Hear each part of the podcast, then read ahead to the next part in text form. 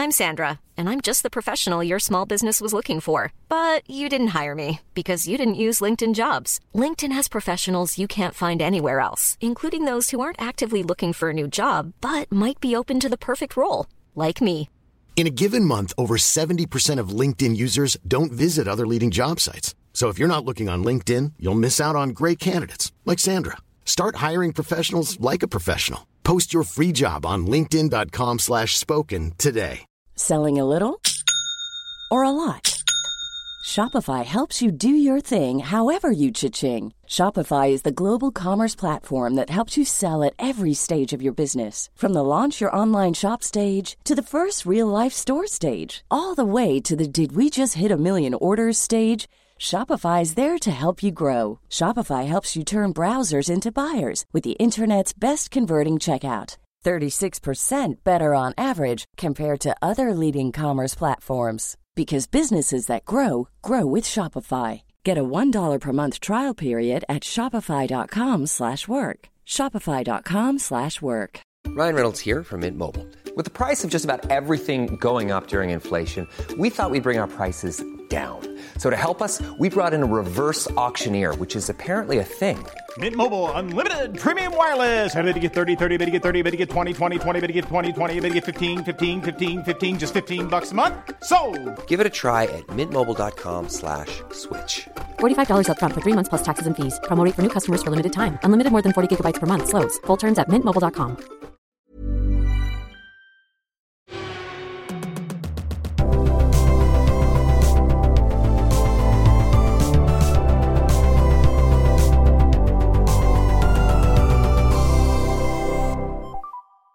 Velkommen til en ny episode av Tangeringspunktet. Eh, Jeg har med meg som alltid Fredrik Nilsen, og ikke minst da, nå vår redaktør og Viaplays ekspertkommentator Stein Pettersen. Velkommen. Takk for det. Er Snart ny sesong, og du skal snart begynne å kommentere testing og alt. Eh, Du sitter bare og spinner du nå, eller før det braker løs? Det er helt riktig. Nå er det egentlig bare litt tid av veien. og litt eh, planleggingsmøter i morgen med litt eh, planlegging av sesongen. Og så skal eh, Atle og Thomas kommentere første dag av treninga. Og så skal Henning og jeg eh, prøve å holde gående i finfine 16 timer på, på torsdag og fredag. Så det er jo det der eh, å kommentere testing er jo interessant. eh, Men det er jo egentlig en veldig veldig lang podkast, fordi du vet jo omtrent ingenting om hva som foregår. Ikke hvor mye bensin de har, ikke hva de egentlig driver og tester. Men vi får i hvert fall en idé, da, og kanskje særlig på fredag. Så, så hender det jo at de prøver å, å gjøre noen litt raskere runder også inn mot eh, helga. Så det blir, eh, blir spennende. Det er 16 timer med tipping. Det er mer underholdende enn man kanskje skulle tro. I hvert fall når det har gått, uh, gått litt for lang tid siden man har sett uh, bilene i aksjon. Vi skal jo snakke om Formel 2 i dag. Den testinga fikk vi jo ikke se, så nå får vi jo snart endelig se da, de bilene i aksjon. Hvordan er følelsen for en ny sesong der, Fredrik? Jeg er jo spent. Det er jo ny bil. Det er blanke ark for ganske mange. Eh, så jeg er jo veldig interessert i hvordan både de mer erfarne førerne og de nye rookiesene på griden, som det er ganske mange av, blir å håndtere den nye bilen. Mm. Ja, men for det er jo det er en helt ny bil. altså Det er jo første gang nå at, måte at det er en ny bil i Formel 2 etter at den erstatter den originale. Eh, Hva er det egentlig som er nytt med den bilen her da, Fredrik? Ja, det er jo en eh, god del egentlig som er nytt. Eh, først er det jo litt sånn estetiske forskjeller. da. Eh, frontvingen er bytta ut, den er blitt gjort mer eh, robust og eh, ja, ligner mer på den frontvingen vi ser på Formel 1-bilene i år, da. Eller det er dette regelverket i Formel 1, så da skal bidra til litt tettere racing. Eh, det samme kan sies om bakvingen. Eh, den ser jo litt ut som en fallskjerm, den på Formel 2-bilene, men eh, den skal jo også være med på å bidra til litt eh, tettere racing. Og så er det noen litt mer eh, ergonomiske oppdateringer, da. Eh, eller sånn cockpiten, skal være tilpassa et større eh, spekter av høyde blant førerne. som er, altså Det skal være komfortabelt fra førerne helt nede, altså som er helt nede i A50 opp til A98. Så det er ganske stort sprik eh, som da skal passe. Samtidig så også litt mer eh, gjort litt justeringer i, eh, i hjulopphenget og støtdemperne fremme for at bilen skal bli litt lettere å kjøre. Det er en veldig tungkjørt bil, eh, har man hørt i ganske mange år nå. Og f.eks. førere som Tatjana Calderón har også sagt at det er en veldig krevende bil å kjøre. Og så kanskje det siste og kanskje aller viktigste, det er at sikkerheten på bilen er blitt oppgradert. Eh, det er nytt chassis med enda sterkere såkalt survival selv, og ikke minst så er denne veltebøyla bak føreren gjort enda sterkere.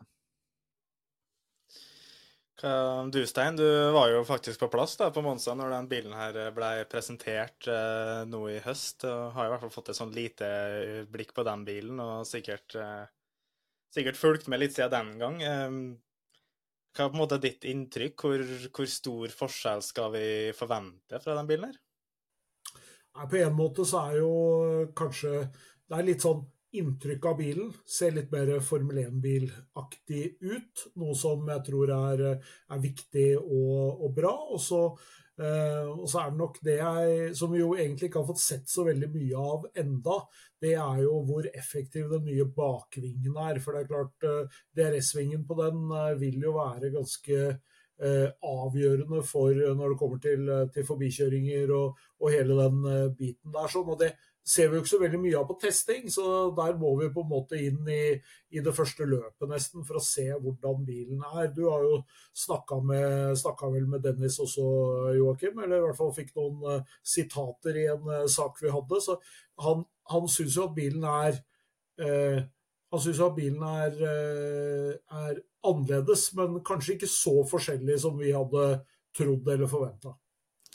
Nei, for det er kanskje ikke så Altså, har vi kanskje lagt litt mye i den bilen. Her har vi liksom vi som sitter og ser på tenkt at nå skal det komme en ny bil som skal passe Dennis. Og så virker det kanskje nå, da, etter den første testinga, at forskjellene er kanskje ikke så enorme, i hvert fall sånn mekanisk. At det er en del forskjeller aerodynamisk, det ser jo alle som ser bilene. og at det kanskje, Men at det igjen også da kanskje er litt sånn banespesifikt, at det kanskje gjelder på baner der det er mange raske svinger. Så kanskje vi ser at det nesten vil variere litt sånn helg til helg, da, hvem som eh, mestrer den bilen her.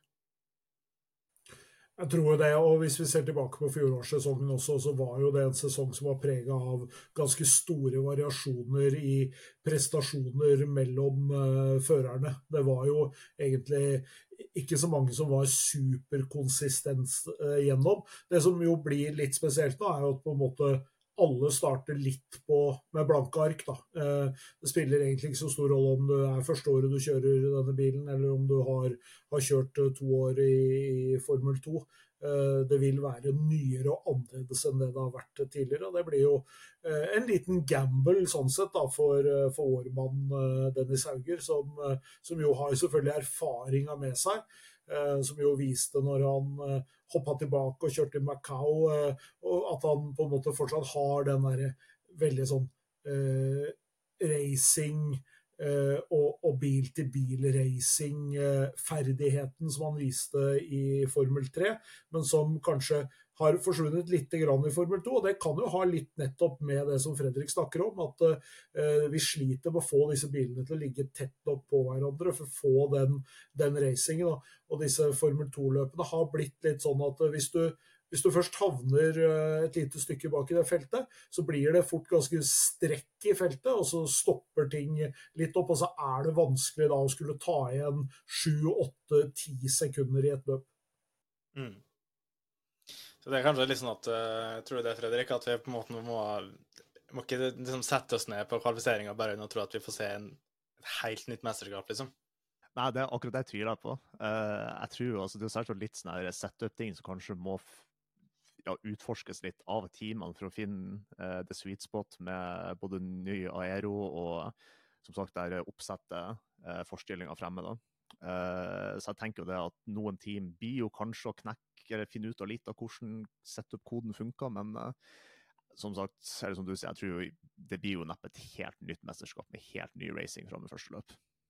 Det er jo litt sånn spennende der da, med tanke på sånn, hvilke team som på en måte nå knekker den koden. fordi det vil jo bli kanskje helt avgjørende. fordi når du er inn, så er det slag i slag, tre helger, ny stor pause, og bare de tre enkelthelgene, det vil jo være helt avgjørende for en tittelkamp. Så sier vi Steinfeld Motorsport ikke treffer spikeren nå i Bahrain, så er jo kanskje håpet ute så fort. Det er jo litt sånn, det, det er brutalt da, når det er en ny bil.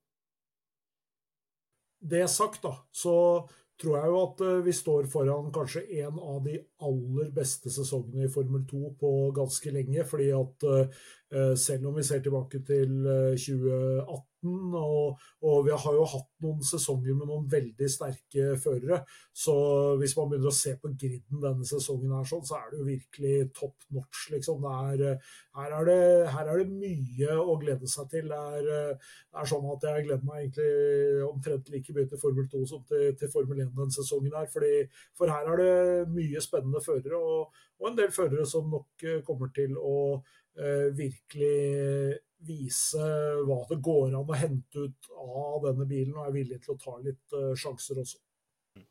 Ja, Vi skal komme litt tilbake til sånn, de andre på griden, i tillegg til Dennis etter hvert. Men det er jo i hvert fall ingen tvil om den sammensetninga nå. Selv om veldig mange profilerte førere forsvinner ut, så er det liksom en, det er en veldig spennende sammensetning. Og så er det noe med at når den eh, silly season i Formel 1 har tatt av som den gjør, så vet du på en måte at alt kan skje. da. Eh, og det kan være både én og to og tre førere som plutselig roter seg inn på den Formel 1-griden. Så det, man føler i hvert fall at det er mye på spill. Ja, helt opplagt. Eh, vi har jo nå liksom med, med Hamilton sin, sin, annonsering og liksom alt som har fulgt etter det, så har det plutselig åpna seg masse. Og, og det å f.eks. være en Williams junior Eh, i årets Formel 2-mesterskap, kan jo virkelig være en mulighet. Der kan vi jo risikere at vi har to ledige seter når vi kommer til, eh, til, neste sesong. Så hvis du klarer å prestere i Formel 2 i år, så har du jo virkelig kanskje nettopp vært det som vi snakker om så veldig ofte, det er nemlig å være på riktig sted til riktig tid. Mm.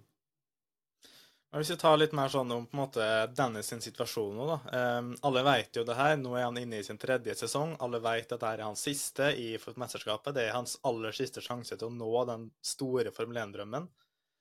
Um, men han er nå da ikke lenger under Red Bull sine vinger. Um, hva medfører egentlig det, Fredrik?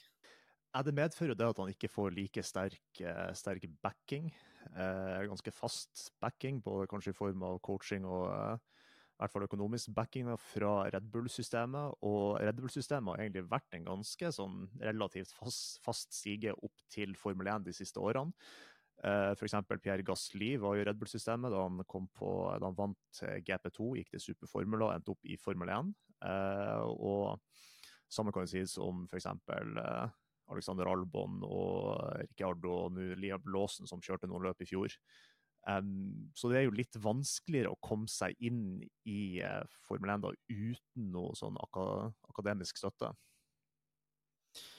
Ja, det har jo vist seg vanskelig. nå er Det også, det blir jo et stor endring for Danny sjøl. Altså, nå er det vel seks år han var i det akademiet, og de var jo i holdt på å si, relasjon enda før det også.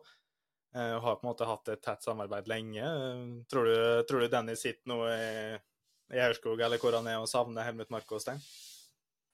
Jeg tror egentlig ikke det. Jeg tror at uh, kanskje det kan være OK for Dennis nå når han går inn i denne tredje sesongen, at han på en måte kanskje han har nok press på seg allerede. Jeg tror ikke vi skal, ikke vi skal lure på det.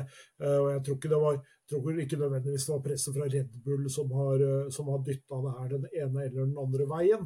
Men når han nå liksom står i denne, inn i denne sesongen, her, sånn, så tenker jeg at det å å være tross alt litt sånn free agent, eh, både i forhold til griden som den utvikler seg eh, nå i, i Formel 1 neste år, og ikke minst eh, det å, å på en måte bli kanskje sammenligna mot alle i feltet, og ikke kanskje i så stor grad mot de andre Red Bull juniorene, kan være en, en bra ting for, for Dennis. Og jeg har jo sånn sett veldig god tro på det. Vi, vi, jo, vi, har jo selvfølgelig nisselua langt ned i panna, så, så, helt objektivt blir ikke dette her. Men det vi har sett fra Dennis når han leverer på, eh, på sitt beste, så er han jo absolutt en, en fører som, som, har dette her eh, i seg. Og han har utvikla seg mye også, og blitt mer voksen selvfølgelig også gjennom de årene han har hatt der. så eh, jeg ser eh, virkelig fram til eh, sesongstart om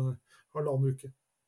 Ja, for altså, uansett hvor langt ned vi trer den eh, nisselua, eller tar av den nisselua, så er det jo ingen tvil om at Dennis på sitt beste er god nok til å vinne Formel 2. Det har vi på en måte sett i løpet. Det har vi sett uh, både glimt av, vi har sett det i Formel 3. og det, du har ikke den juniorkarrieren der uten å, uten å, ha det nivået inne. Men det er jo utrolig mye som skal stemme, da. Er det litt sånn at vi, vi lener oss litt på MP nå, Fredrik? Ja, altså det står jo ja. All vår ære som nasjon står jo på skuldrene til MP Motorsport nå, kan man jo nesten si. Altså, det her er jo som vi har sagt nå flere ganger, Dennis sin siste store sjanse for å komme seg til Formel 1. Altså, det stopper jo ikke en racingkarriere, absolutt, men det er jo, hvis Formel 1 er målet, så er jo det liksom denne sesongen der MP Motorsport virkelig skal få det til igjen, tenker jeg. Det er litt sånn oppfører på den biten her, da, med at Dennis nå står fritt. Det, vi har sett flere andre rebellionere som, har, eller som var rebellionere, som nå har tatt steget til andre akademier. Så kan vi på en måte dra inn dagens første lyttespørsmål. Jonathan på TikTok spør har noen andre akademier vist interesse. Du sitter vel i den forhandlingen, Stein, så det vet vel du? Det gjør selvfølgelig jeg. Nei, jeg tror, jeg tror, ikke det har vært så veldig sentralt, faktisk. Det som er utrolig bra, det er jo det det teamet som Dennis har hatt rundt seg, ikke minst når det kommer til eh, sponsorer og støttespillere, eh, som gjør at ja, selvfølgelig det har vært fint å få de pengene fra Red Bull, men eh, det har vært mulig å stable på plass en, en veldig bra Formel 2-satsing også i år, ved hjelp av de utrolig gode støttespillerne som er, som er rundt Dennis. Sånn sett så er nok kanskje når han tross alt er i den situasjonen som er nå, så er ikke, så er ikke den jakten på et nytt akademi det som har, eh, som har vært fokus eh, for, for, Harald og de andre som, eh, som, jobber med det. Jeg tror nå er det bare rett og slett for Dennis å prestere, få best mulig arbeidsforhold i teamet. Og så må Dennis egentlig gjøre den jobben her sjøl nå. nå. nå. må det treffe, nå må det være stang inn istedenfor stang ut. Og så, og så må han rett og slett uppe gamet litt han også. Det tror jeg han er eh, mer enn kapabel til, og i hvert fall ekstremt innstilt på å få til. Men så er det jo sånn, da, så, som vi sier, altså, Selv om eh, Dennis skulle treffe spikeren, levere kjempebra, om så MP treff, om Dennis skulle vinne Formel 2 overlegent Det er fortsatt ikke sikkert at han kommer til å få den muligheten. Det har ikke gått for Drugovic, det har ikke gått for uh, Porscher. Uh, at Arctic Dago på Twitter spør er det vanskeligere for F2-førere å få et FN-sete nå enn det det var før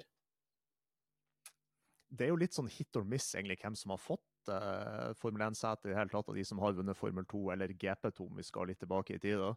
Uh, man har jo f.eks. folk som uh, hva heter han, Davide Valsecci vant vel.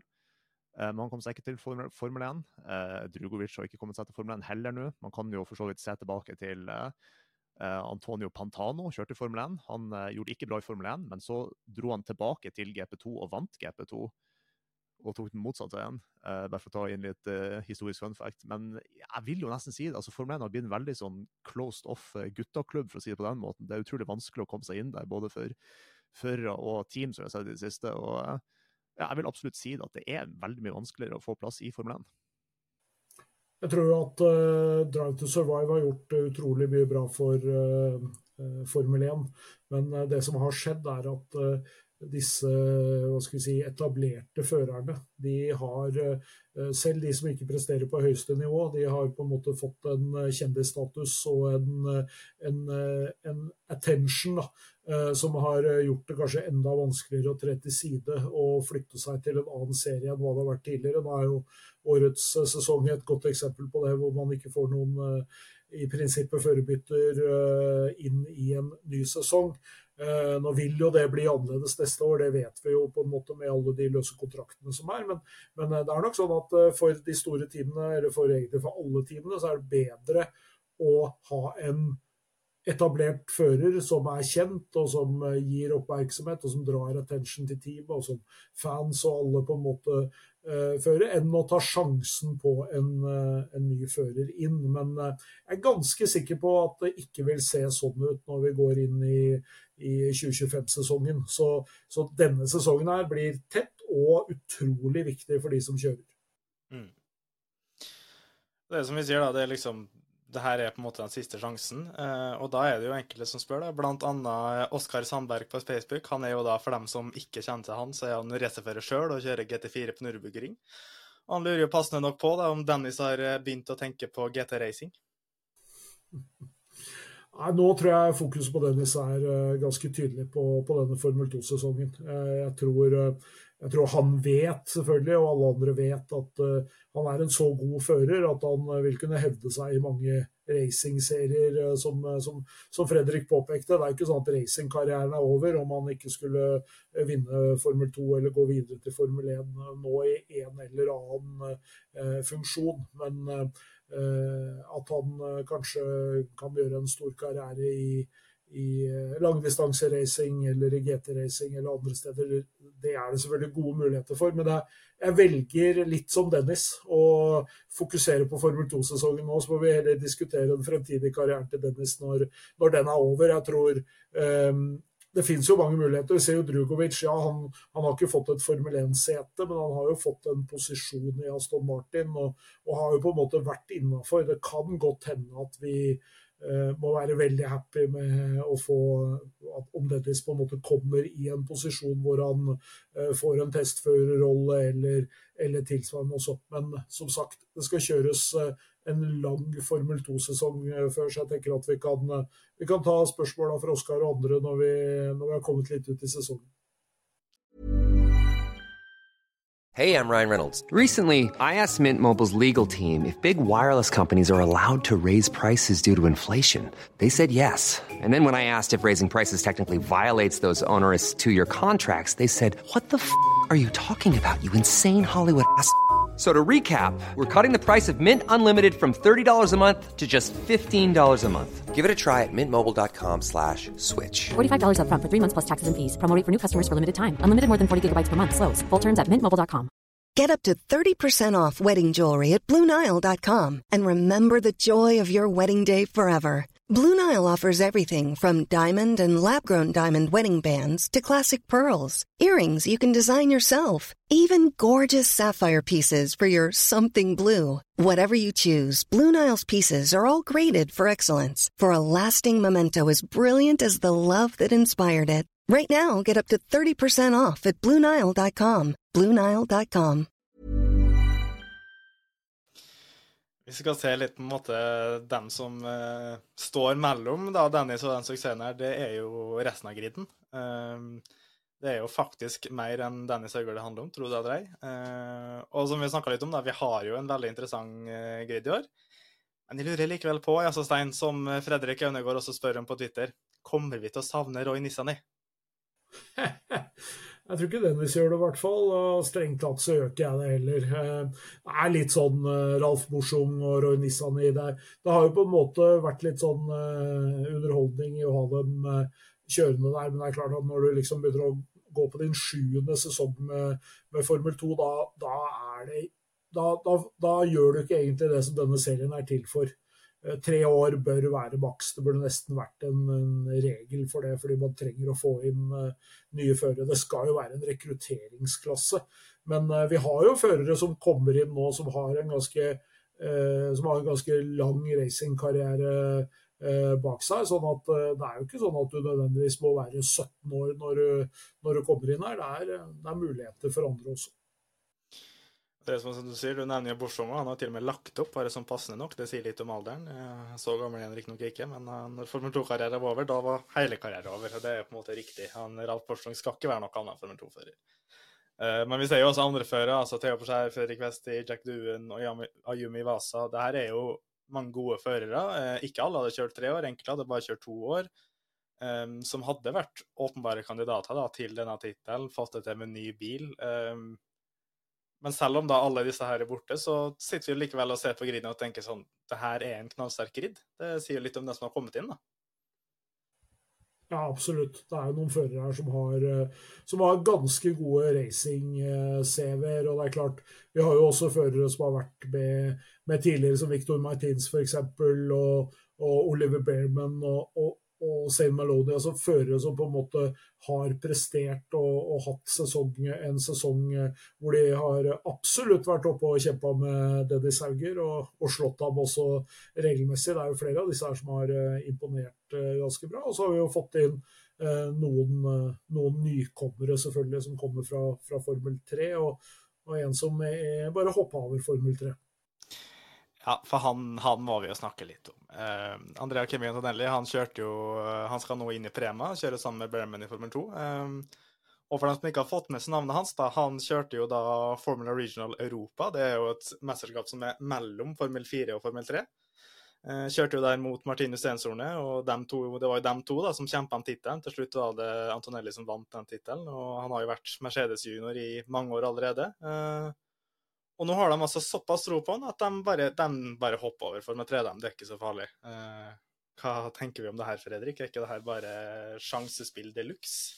Altså, det er absolutt sjansespill. Det er jo eh, altså, det er jo en risiko å sette han rett opp i Formel 2 med en gang, tenker jeg. For at mye av den stigen man FIA har etablert nå når, når man har nesten standardisert en rekkefølge med Formel 4, Formel Regional, Formel 3, Formel 2 og Formel 1, så mister man jo litt erfaring sånn eh, litt sånn racecraft-messig, som kanskje gjør han litt mer uraffinert. og han må jo tilpasse seg og lære ganske mye bare i løpet av denne sesongen. her.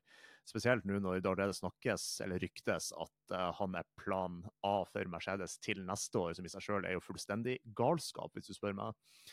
Og uh, ja, Jeg er jo spent på hva, hvordan han blir å få til. Altså, han er jo døpt etter uh, den forrige Ferrari-verdensmesteren, Kim Raikkonen, så det er, jo, det er jo ikke lite press på han akkurat, for å si det sånn. Men det med at han på en måte er litt sånn uraffinert, da, kan vi få kanskje en litt lik situasjon som det Oliver Bearman viste i fjor, da, eh, teamkameraten. For han var litt sånn all over the place, varierte veldig. Men på sitt beste så var han jo enormt god, og sannsynligvis nå i sesong to så tror vi jo tror vi vel at han kommer til å kjempe med den tittelen. At ja, han kommer til å ta det nivået, men at han ikke liksom Han kommer ikke hit og er tittelkandidat, liksom. Jeg tror det som, eh, som, kanskje skiller de to førerne, er at uh, hvis man begynner å se på, på race-rekorden til uh, Antonelli i, i, nesten alt han har gjort de siste åra nå, uh, så presterer han på et så jevnt høyt nivå hele veien. Altså han, han var jo og kjørte disse her ulike Formula Regional-mesterskapene. han kjørte jo Eh, Formel 4. Der kjørte vel både i Italia og i Tyskland. og Han, han vant jo begge de to mesterskapene. Han vant uh, det tyske mesterskapet. Da hoppa han vel over tre løp, og han uh, var, på, var på pallen i 9 av 13 løp eller noe sånt. Altså, han, er, han er et uh, sånn eksepsjonelt talent, helt klart. Og, men det er klart, den hypen som er rundt han, den er jo noe å håndtere også for en for, for en uh, ungdom, som han jo strengt tatt uh, fortsatt er. Så det er det som på en måte ligger i spenninga. Hvor tøff er han i huet på en måte i forhold til å, å, prestere på dette nivået med den oppmerksomheten som han kommer til å få. Mm. Ja, for Han ses jo på en måte som Mercedes sin Max Verstappen. på en måte. Han er liksom det stortalentet man ikke kan la glippe. Uh, og så går jo ryktene på det, og det er jo på en måte en relativt logisk plan nå, at planen har hele veien har vært å liksom ha, ha han i Williams, gjøre han klar et par år frem til uh, Hamilton eventuelt legger opp, eller det skulle åpnes en plass der. Men så er det at hvis Mercedes nå er gæren nok da, til å ta han rett opp til Mercedes Nå må vi jo se hvordan han gjør det i Form 2 først, da, men det vil ikke det at de spekulasjonene bare er der i det hele tatt, legge litt ekstra press på han? For, for det er én ting hvis han skulle sendes til Williams nå første sesongen, ha liksom noen år der og utvikle seg, men når, når ryktene begynner å komme om at du skal erstatte Louis Hamilton eh, før du har kjørt ditt første nivå på et høyere nivå enn Formula Regional Europa, så er det klart da enhver person kan vel kjenne litt på det presset, uansett hvor mange coacher og hvor god trening du har med det der. Ja, det, er, eh, det, er, det, blir beintøft. Men uh, han uh, har jo sett ut til å stå i det. Og selv om Martinus jo kjørte en veldig bra sesong i, i Freka, så, så vant vel allikevel ganske, ganske, klar seier da, for, for Kimi der. Så, så, det er klart, men, men som du sier, med navnene Han er jo vokst opp ikke så veldig langt unna Maranello, og så blir han Ferrari junior. og så og så har han liksom den derre Det er jo en utrolig god story. Så hvis den faktisk skulle vise seg å, å gå inn, så, så, blir det jo en historie som vi kommer til å, å huske i, i mange tiår framover. Ja, det er vel, Vi sitter jo og følger Dennis Hauger, men uh, store deler av holdt på å si, resten av verden sitter vel og følger med på Antonelli nå, for det er jo på en måte det, kanskje det mest interessante med årets sesong, egentlig ja, det er en det er tøff satsing, i hvert fall. Mm. men det er jo langt fra den eneste som kommer opp. Eh, en annen som eh, de som ikke har sett Formel 3 nå, de kjenner kjenner kanskje ikke til han, men det er jo da fjorårets mester, Gabriel Bortoletto. Han òg er jo nå på vei opp. Hva tror du, Fredrik? Tror du han har en holdt på å si, bedre start i Formel 2 enn det vår egen Formel 3-mester hadde i sin tid? Det skal vi ikke se bort for Han tok vel uh, tittelen på første forsøk kontra Dennis. Og det viste seg jo at uh, utstyret til han Bortletto var jo på plass hele veien. Og det var vel ja, ganske Var det ikke relativt knapt han tok tittelen også? Skal sies. Det var jo der kaoshelga på Monsa som som regel avslutta Formel 3-sesongen. Men det kan jo hende at han er jo litt mer Han har jo fulgt, fulgt med stigen ganske systematisk opp igjennom, gjennom Formel 4 og Formel Regional og nå Formel 3. Altså, det kan hende at han eh, rett og slett er en liten underdog i eh, mesterskapet. Eh, og vi skal ikke se bort fra at han kanskje tar eh, ja, eh, ja, tar seieren som beste rookie i, eh, i feltet.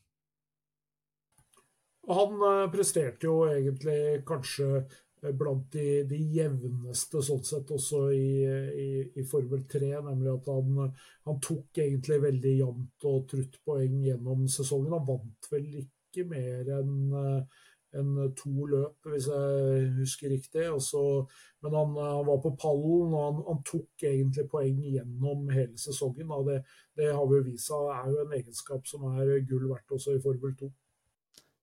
Det er jo, og det du sier, det, det, viser jo litt eh, Det handler jo egentlig mer om Formel 3, som vi snakka om i forrige episode, hvis dere ikke har hørt det. Men uh, det her med å gå den stigen viser jo på en måte at det der Formula Regional-steget det er på en måte for mange da, har jo nesten erstatta en sånn førsesong i Formel 3, gjør at du kan gå inn og prestere. Uh, så vi ser da om på en måte det steget opp til Formel 2 nå er, er røffere, men uh, med tanke på situasjonen nå, da, så er jo situasjonen for rookies mye bedre. hva tror dere der med på en måte den vi har snakka litt om det, altså det der med den fordelen som nå kanskje forsvinner litt. At det altså Det har ingenting å si at Dennis kjenner den forrige bilen, for det kommer en helt ny bil. Men så har vi igjen snakka om at kanskje bilen ikke er så ulik, så det er jo litt vanskelig å spå det her, da. Men hva Hvor mye lettere tror dere det er for en rookie å komme inn akkurat den sesongen her, når det kommer en ny bil? Ja, det er jo litt sånn en kombinasjon av ting som skal klaffe. For at uh, jeg tror rookies er jo litt avhengig av at teamene også har funnet litt ut av bilen, hvordan oppsett som funker, og ja, hvordan bilen i seg sjøl funker. Altså på en side, altså, Man har jo hva føreren føler, hvordan førerne tolererer eller klarer å Den feelingen de har med bilen i seg sjøl, hvordan oppsett de liker. Men man har jo likevel også dette eh, teamet bak det som jobber med bilene, og prøver å få det beste ut av det. Og når det er en ny bil med litt nyere oppsett, så er jo selvsagt eh, ja, flere ting som skal gå opp i den kabalen. Eh, så kan det hende at noen rookies for så vidt blir heldige med det at de har havna i et team som har funnet fortere ut av bilen enn de andre, tenker jeg. Mm. Det blir liksom Det er kanskje ikke det, det er kanskje ikke liksom det her store steget, da, den store fordelen som, eh, som de etablerte førerne har hatt før. Eh, og så en en spennende rookie, som vi heller ikke har snakket om, han eh, blir jo en veldig direkte konkurrent for Dennis. da. Eh, Franco Colapinto, som, eh, som, kommer inn i MP Motorsport. Eh, han har Williams-packing, som du snakka om tidligere, Stein. Det, kan, det, er ikke så dumt å være Williams eh, junior i år, hvis du gjør det bra. Eh, hva, hva, tror dere vi kan forvente av han? Han er jo opplagt en, en av de førerne som Eh, som kommer inn eh, med, i, på en litt sånn med god fart, da, kan du si. Og som eh, hvis han lykkes nå i, i de første løpene, kan absolutt bli en, en, tøff konkurrent inn i dette mesterskapet også. Han har nok, har nok veldig mye av det som skal til. Og så er spørsmålet da hvor godt fungerer det med denne bilen kontra Eh, den bilen han har kjørt i, kjørt i Formel 3 tidligere. Vi vet jo at eh, det har vært en overgang for en del av eh, førerne.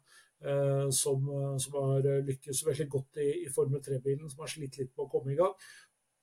Og så vet vi ikke hvor, hvor mye nærmere Formel 3-bilen har den nye Formel 2-bilen blitt. Kanskje litt mindre, som vi prata om, enn, enn vi hadde håpa på. Men kanskje det er litt lettere allikevel å finne seg til rette i bilen. Det er jo gjort en del ting rundt akkurat det der med, med sittestilling, med eh, hvor eh, lett eller ikke lett eh, på rattet bilen er i, en, i en formelbilsetting, ikke i en personbilsetting, akkurat.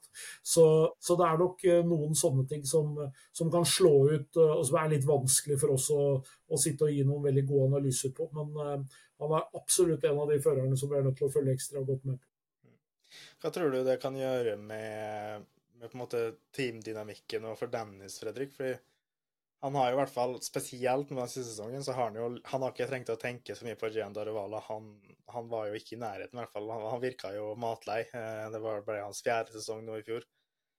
Eh, kommer til å ha en ekstremt sulten og ikke minst talentfull fører nå, som ikke akkurat kommer til å gi noe spillerom til Dennis. Eh, hvordan tror du den dynamikken blir?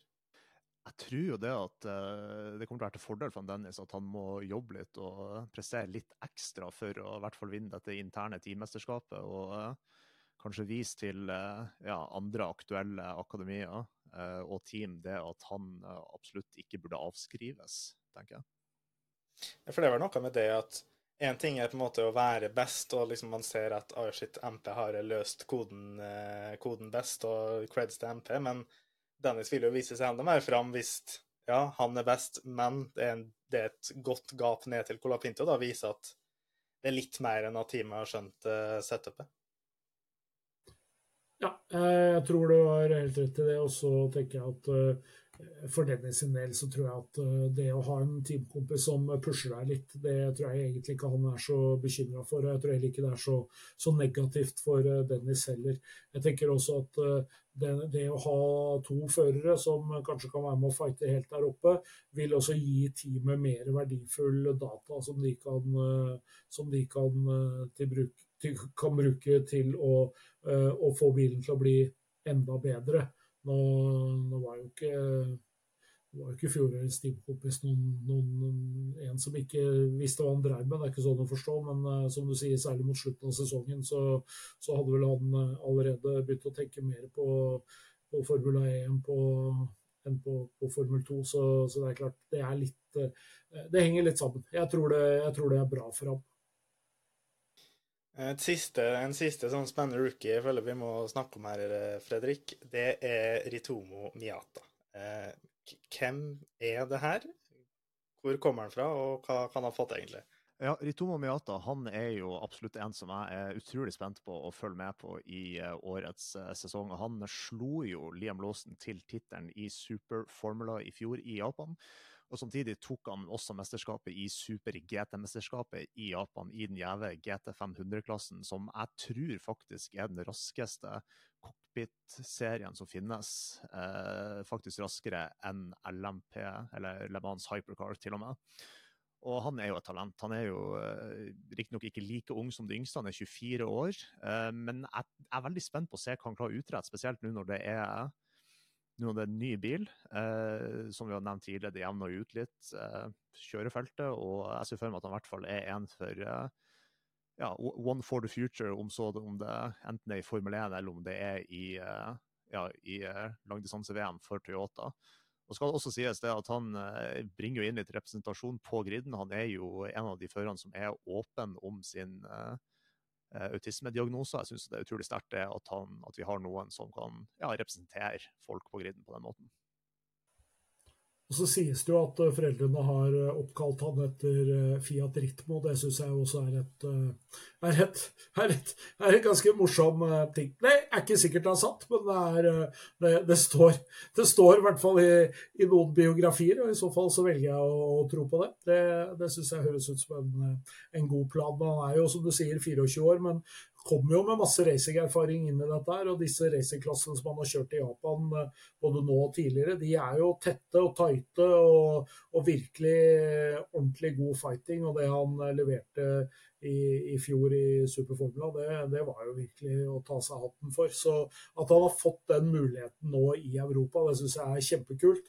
Eh, og også viktig på en måte litt for hvordan denne sporten skal utvikle seg fremover. Vi trenger, vi trenger noen fra Sør-Amerika, vi trenger japanere. Vi, vi, skulle gjerne hatt noen fra det afrikanske kontinentet. Det, det er liksom det, det, har noe med å gjøre Formel 1 til en eh, verdenssport. Hvis den bare består av uh, sønner av rike folk fra, fra Europa og, og USA, så, eller Canada, som det vel er, har vært best dominerende, så, så, er ikke det noe, det er ikke noe bra for, for, sporten på sikt. Vi trenger absolutt å få med det. Og, og Japan er jo en racingnasjon på alle måter, så, så, det å få dem inn, og det å, å dra den, hva skal vi si, den, den bindinga der, både til eh, de bilprodusentene som finnes i Japan, og til, til hele racinghistorien til, til, de japanske merkene, det, det er kjempebra. Altså bare det å ha det der eh, Toyota-representasjonen og delivery som man nå har på Formel 2, det, det tar seg godt ut. Eh, og så er det noe med ja, kanskje han ikke liksom eh, havner i Formel 1, eh, med mindre det kommer en god Honda-mulighet, holdt på å si.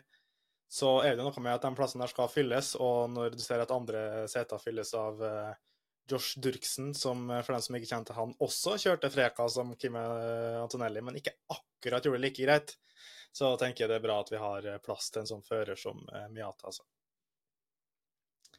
Men hvis vi ser litt sånn lenger frem, da, eh, som Sivikivi på Twitter spør, hvem blir de største utfordrerne om tittelen? vi har vel vært innom uh, noen av dem. Jeg tror, uh, jeg tror, Oliver Bearman kommer til å være en, uh, en veldig tøff konkurrent for Dennis. Jeg tror Victor Martins kommer til å være det. Eh, og så får vi se da hva Kimi Antonelli kan, eh, kan hoste opp i en eh, første sesong. Men det er, noen, det er noen veldig gode førere der som, som kan lykkes. Og så kanskje vår japanske venn tar med seg den Altså, det er jo også noe med at racing handler jo selvfølgelig om å være rask, men det handler også om å, å ha en mental flyt. Det så vi jo litt på Dennis i fjor, som starta sesongen bra. Um, og så hadde han nok denne lille knekken i Baku som på mange måter uh, egentlig uh, satte en sånn ordentlig liten knekk på, på den sesongen. Uh, sånn at det å, å, komme inn med flyt, lykkes fra start, det, det, er nok viktig. Men hvis du har den feelingen med deg når du kommer inn i sesongen også, så, så blir nok den viktig. Men det er kanskje først og fremst Bearman og Martin som liksom fremstår som sånne, i hvert fall av de erfarne førerne, som fremstår som de tydeligste kandidatene, eller hva tenker du, Fredrik? Nei, det er jo fort det. altså sånn, det er jo Bearman og, Mart og Martins er jo de som eh, ja, alle egentlig tipper kommer til å gjøre det best i serien. Altså, for er jo, de er jo ganske etablert i forhold til resten. Det er jo utrolig mange rookies på griden i år, da vi etablert tidligere. og jeg ser jo for meg at selv om det er den nye bilen og det er litt ting å finne ut av, så tror jeg likevel det er de mest erfarne som kommer til å komme best ut av dette. Så har vi en sånn fører som Kushmaini, f.eks., som uh, viste glimtvis veldig bra eh, takter i fjor. Eh, Overraska oss jo veldig mange ganger, men eh, missa jo også kanskje litt på den konsistensen som vi for så vidt også må må legge på, på Dennis uh, i fjorårssesong også. Så um, det, er nok, det er nok det. Og vi så jo det det året som Drugovic vant, kanskje særlig hvordan det å ta poeng uh, jevnt og trutt, selvfølgelig vinne en del løp og, og sikre den biten, men på en måte ikke bryte altfor ofte, ikke, ikke, rote deg bort i altfor mye sånn småkollisjoner og sånn som kan ødelegge ei hel helg. Og ikke minst kvalifisere deg topp ti stort sett hver helg, så er du med og spiller om eh, seieren i de eh, i løpene egentlig så fort du kommer på startgriden. Så er det jo litt interessant med tanke på de etablerte førerne, for vi har snakka litt om det nå, at alle nå åpenbart sikter seg inn mot Formel 1, men det er noe med at med den stillesisen som er nå, så er det mange muligheter. Eh, Hauger kan ramle inn, Martins kan få en mulighet til alpin hvis det er muligheter der. altså Det er mange sjanser. Og så er det jo da Bearman som nesten ser ut som den føreren allerede før sesongstart som har en enklest vei inn til Formel 1. Uh, han er Ferrari junior, og han skal i år være reserve både for Ferrari og Haas. Uh, og ikke minst da, så er det allerede bestemt at han skal kjøre seks fredagstreninger for Haas. Sjøl om uh, det kun er da holdt på å si, obligatorisk å slippe til en rookie på to treninger. Så de har liksom da tripla den dosen allerede. Eh, og nå med, med, Steiner, som var litt skeptisk til å slippe til rookies igjen, er ute, så er det muligheter for litt eh, litt, eh, litt, åpning for det der. Eh, og Civic igjen da, spør tenker vi at Bearman nesten allerede har blitt lova et sete i hans. Det er nok ganske sannsynlig, tror jeg. Eh, der sitter det to førere som sitter på litt lånt eh, tid Kevin Magnussen uh, var vel ikke sånn Han virka ikke superinspirert hele fjorårssesongen, han heller. Uh, så, så, jeg tror det er en veldig god mulighet. Så tror jeg selvfølgelig at Ferrari har tatt med seg en bra chunk med penger til Has og sagt at han skal ha de seks treningene. at det betyr også litt. Men, men, det viser jo litt om hva Ferrari tenker om han. Og så er det jo sånn at det er jo begrensa hvor lenge Louis Hamilton kommer til å kjøre for Ferrari også. Så det å, å ha en fører på, på, på gress eh, et eller annet sted for Ferrari nå, det hadde vært veldig bra egentlig for dem. Fordi de, de trenger også en kontinuitet. De prøver jo helt opplagt å bygge det med Charles Leclerc, i og med at de knytter han til seg for stadig lengre eh, perioder. Men eh, jeg blir veldig overraska. Eh, hvis eh, ikke eh, vi ser eh, Oliver Bearman på, i, et, i et fast Formel 1-sete i 2025-sesongen. Ferrari er jo nå i den litt spesielle situasjonen at de må planlegge for den dagen Louis Hamilton skal legge opp. Så det er klart de må jo begynne å, begynne å tenke fremover. Det... Ja, så Hvis noen hadde sagt det meg, til meg for, for, fire uker siden, så hadde jeg bare ledd av deg, Joakim. Det gjorde jeg nå, for så vidt. Men det var ikke, det var ikke sånn pent. Um, men apropos liksom prøve å forutse litt fremtida. Vi har snakka oss gjennom det meste i og rundt Formel 2 nå, men uh, vi må jo avslutte med litt tipping, så vi kan enten da geni eller idioterklæres om noen måneder. Det er jo viktig. Jeg spør rett og slett, Fredrik, hvem vinner Formel 2, og hvilken plass ender Dennis Hauger på? Jeg tror Oliver Bearman tar tittelen, og jeg tror Dennis Hauger kommer på tredjeplass sammenlagt. Du, Stein? Jeg tror Dennis Hauge vinner eh, Formel 2 i år. Jeg tror dette er året. Og så kommer det til å være en tøff fight eh, med, med Oliver Berman og jeg tror også Victor Martins. Jeg tror det kommer til å være ganske jevnt fram til eh, midt i sesongen. Og så bare drar Dennis ifra inn mot, mot den siste helga, hvor han vinner både sprint og, og featureløpet. Mm. Jeg sjøl tror jeg at Oliver Berman kommer til å gjøre det helt sinnssykt bra. Men det er Dennis Hauger som kommer til å vinne til slutt, etter en jevn fight. Han kommer til å være så innbitt nå at det er ingen som skal ta frem den tittelen der. Så det blir Dennis Hauger for meg òg, altså. La oss håpe vi får rett. Det hadde vært eh, gøy for eh, Norge og eh, gøy for Dennis og i det hele tatt. Så da er det jo nesten da er det bare å begynne å lade opp, da. Nå er det litt Formel 1-testing neste først, men ja, Det er bare nesten en uke til. og Husk det, da, folkens, det begynner på torsdag. og Spesielt det, det, Formel 2 kan folk klippe der litt tidlig på dagen. Du har ikke fått med at det har begynt. Husk det. Både Formel 3 og Formel 2 og Formel 1 og alt fra torsdag av. Eh, så får vi bare følge med. og Før det, Fredrik, så skal det jo komme noen flere episoder, skal det ikke? Det skal absolutt, og vi skal jobbe oss gjennom eh, griden. Vi skal ta for oss bunnlagene, midt på trelagene og topplagene. Og ikke minst skal vi gjennom en Formel 1 ABC-episode der vi tar imot alle spørsmål, uansett hvor avansert eller lite avansert de skal være. Så Vi håper at uh, dere vil spre ordet. da. Hvis dere syns det er greit å høre på, så gå inn og gi en rating i Spotify eller hvor dere hører det. Det vil hjelpe oss veldig mye med å nå ut til flere. Uh, og ikke minst, da, når vi skal ha en sånn Formel 1 ABC-greie, så er det et veldig, veldig godt tips. Hvis det er noen du kjenner som er sånn har foten halvveis inn døra, eller kanskje nettopp du får til å se Drive to Survive nå når det slippes denne uka her, eller bare dytte dem inn, få de siste detaljene som du kanskje ikke får med deg sånn ellers, så kan det være bra tips. Og så husk å følge med og lese nyheter på formel-1.no, formel1.no, som er eh, din eh, beste leverandør av eh, Formel 1-nyheter, på norsk i hvert fall. Så der er det mye bra som foregår om dagen, og vi kommer til å følge alt som, som skjer inn mot helga. Der blir det mye trøkk. Nå er det liksom tre klasser å følge med på, og masse engasjerte folk som har lyst til å skrive om det. Så det er bare å henge på, altså. Men da sier jeg takk for i dag, gutta. Takk for at jeg fikk være med. Takk for i dag.